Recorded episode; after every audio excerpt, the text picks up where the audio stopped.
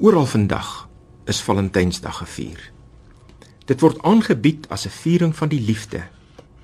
En partykeer kan ek nie help om te wonder of die beklemtoning van die liefde op Valentynsdag nie dalk te wyte is aan 'n gebrek aan liefde nie.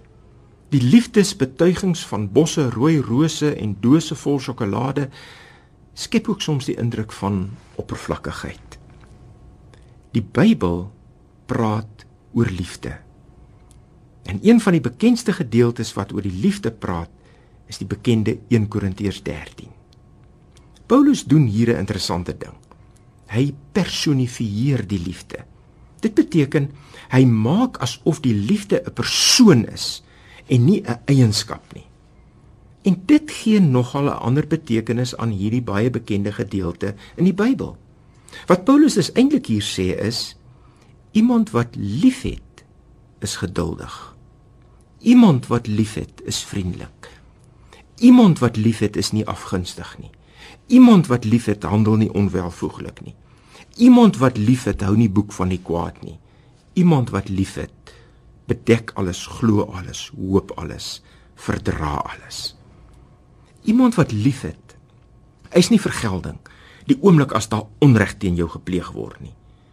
Iemand wat liefhet, is bereid om die ander persoon nog 'n kans te gee. Dis interessant dat die woorde geduldig en vriendelik in die Griekse teks net deur 'n komma geskei word.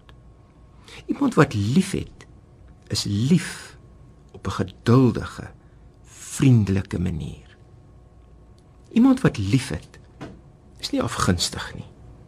Jy gun die ander een alles wat of sy of haar geluk en voorspoed sal dien. Iemand wat liefhet, is hoflik en bedagsaam en tree ook so op teenoor ander. Iemand wat liefhet, het respek vir ander en handel daarom nie op 'n onwelvoeglike wyse teenoor ander mense nie. Iemand wat liefhet, hou nie boek van die kwaad nie.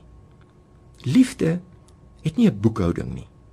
Liefde skryf nie 'n rekening op wat op 'n stadium uitgehaal, voorgelê en betaling gaan geëis word nie.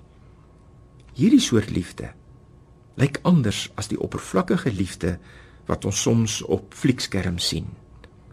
Die liefde van 1 Korintiërs 13 laat ons liefde sien vir wat dit werklik bedoel is om te wees. Kom ons wees so lief vir ander soos wat 1 Korintiërs 13 dit teken.